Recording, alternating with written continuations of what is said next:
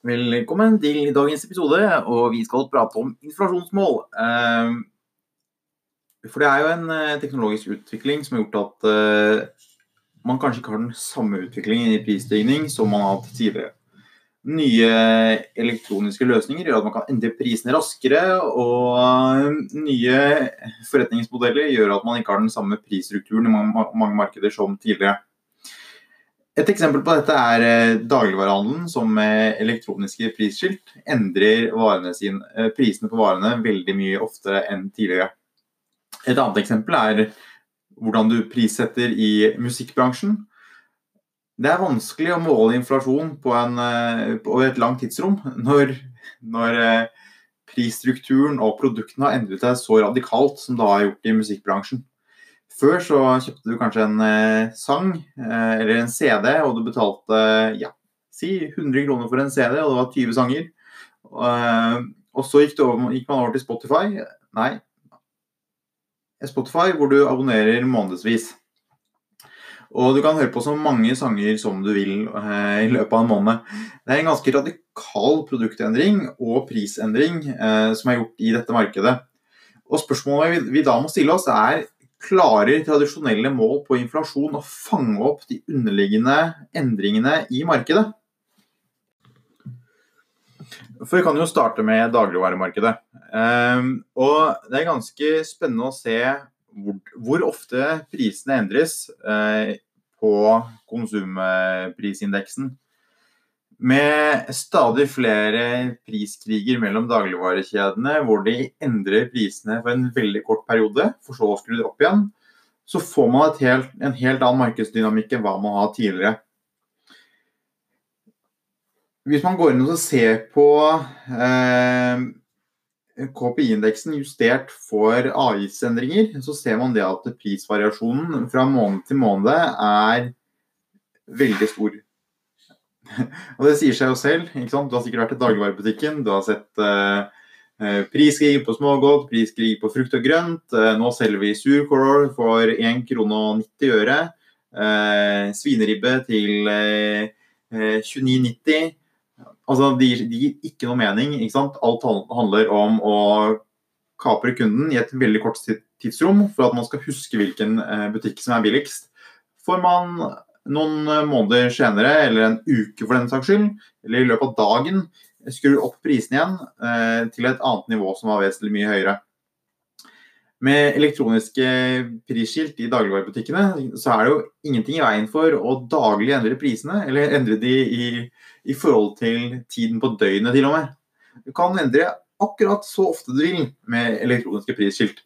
Litt det samme som man har sett i, i eh, drivstoffbransjen også, hvor man endrer prisene på bensin og diesel etter hva de andre konkurrentene eh, i det samme geografiske området har.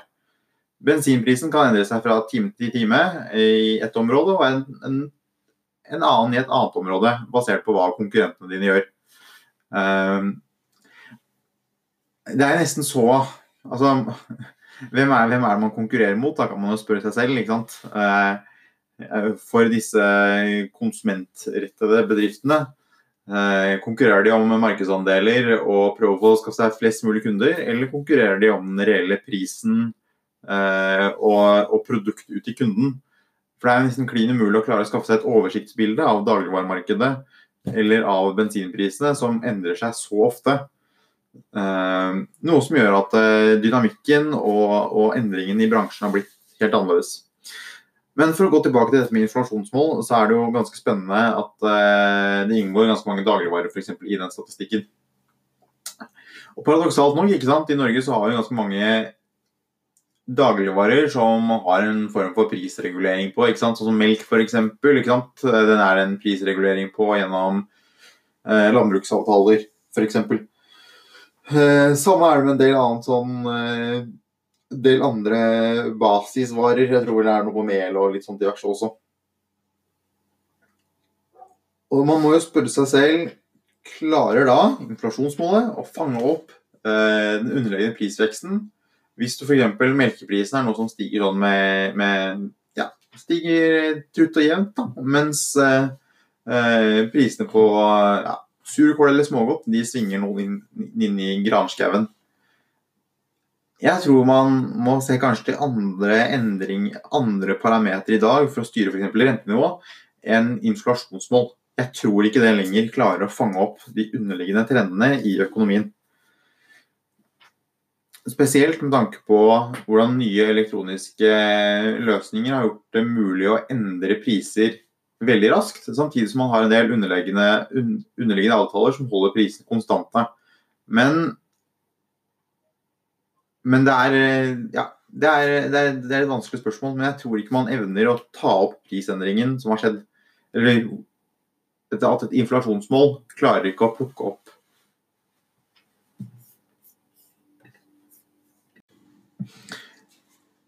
Et uh, annet morsomt eksempel på uh, som, som, gjør på en måte at man kan stille seg spørsmål om den tradisjonelle mål, måten å måle inflasjon på faktisk gjør at vi evner å ta opp den reelle inflasjonen, er jo også musikkbransjen. Og overgangen fra salg av musikkprodukter som CD-er og kassetter, til at man nå abonnerer på tjenesten hver måned endringen er jo så radikal at jeg forstår ikke hvordan eh, hvordan eh, inflasjonsmålet klarer å ta opp denne endringen. Og Hadde det bare skjedd med musikk, så skulle jeg ikke sittet her og klagd på dette. Men når det har skjedd for uh, musikk, for uh, video, uh, eller film og sport og andre underholdningstjenester, det har skjedd for ja, treningssenter har jo for så vidt vært vanlig å abonnere på lenge. Eh, bil blir mer vanlig å lease. Eh, mobiltelefon gjennom sånn swap-deal i Telenor f.eks. Det leaser du eller abonnerer på. da. Så det er overgangen til på en måte abonnementsøkonomien, om du kan kalle, den, kalle det for, for det. Eh, man, man, tenker på en måte ikke hva, månedlige, hva, hva koster, det, koster, det, meg å kjøpe dette produktet, men man tenker på har jeg råd til det i forhold til min lønn eller hvor mye penger er jeg villig til å bruke så mye, en så stor andel av lønna mi hver måned på dette? En veldig kortsiktig måte å finansiere eh, produktene og tjenesten man ønsker seg. Men for å gå tilbake til dette med musikk, så er det ganske spennende at eh, fra man kjøpte en CD, si 10 sanger eller 20 sanger kostet eh, 100 kroner. Si 20 sanger da kostet 100 kroner. Og så gikk man over til eh, Apple og iTunes, hvor du kunne kjøpe én og én sang slapp du å høre på alle disse dårlige sangene i albumene. Eh, jeg husker jeg syntes det var helt, helt storartet når det kom. Og så har man jo gradvis vridd seg over til Spotify, hvor man kan laste ned all musikk man ønsker i hele verden. Eh, høre på podkaster osv. Og, så og det koster en, eh, en fast sum hver måned. der, altså Fra at du kanskje brukte altså Andelen du bruker på musikk i løpet av et år, er jo forholdsvis lik. Si at du hadde kjøpt en CD i måneden, eller at eh, en CD i måneden er jo omtrent kanskje det tilsvarende som å abonnere på Spotify. Rundt en hundrelapp. Men overgangen til at du bare kan høre på så mye du vil, det er jo den store endringen. At konsumentet har altså Konsumet har økt noe inni altså, har økt vanvittig. Som gjør at du bare kan Ja, du kan høre på musikk hele dagen. Du kan høre på all mulig slags musikk. Og eh, og, og de kaller det revenue, eller inntekt per låt da, for artister og sånne ting også, har bare gått til bunnen. Det er jo ikke musikkproduksjon de tjener penger på lenger, det er konsertvirksomhet.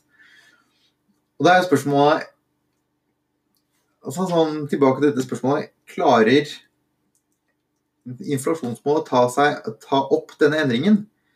For det har jo ikke bare skjedd, det har jo ikke bare skjedd på, uh, innenfor musikkbransjen, men det har skjedd i mange bransjer. Og hvordan, hvordan, skal man måle inflasjon? da, når, når, uh, eller Hvis vi stiller oss spørsmål på litt lengre sikt, hvordan skal man måle inflasjon hvis det er aldri noen som egentlig kjøper noe, men vi abonnerer på alt? Jeg syns det er et veldig godt spørsmål. Jeg skal ikke si at det er et klart svar på det her.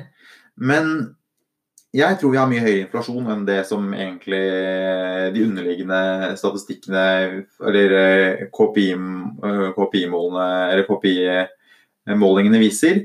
Eh, også justert for avgifter og diverse.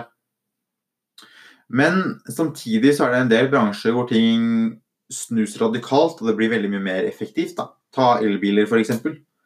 Uh, hvor mye mening gir drivstoffprisene i eh, inflasjonsmålet?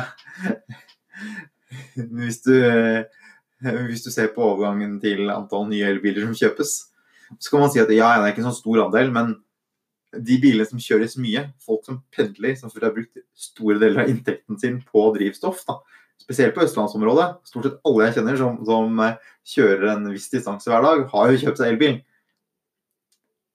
det gjør noe med hele dynamikken i, i eh, bransjen og behovet for drivstoff osv. Eh, det sies jo at, det, det sies jo at en av de største reduksjonene i oljeutslipp eh, hittil har jo vært Kinas overgang til elbusser. Nei, ikke oljeutslipp, men oljeforbruk har vært Kinas overgang til elbusser.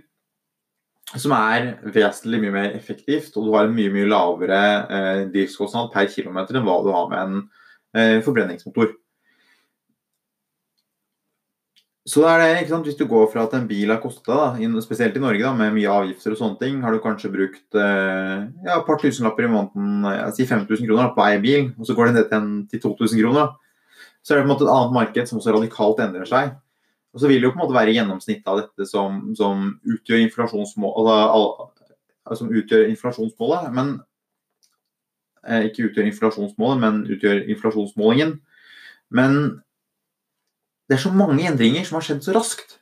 og Derfor så stiller jeg meg spørsmålet klarer man å få med seg endringene. Jeg tror egentlig ikke det.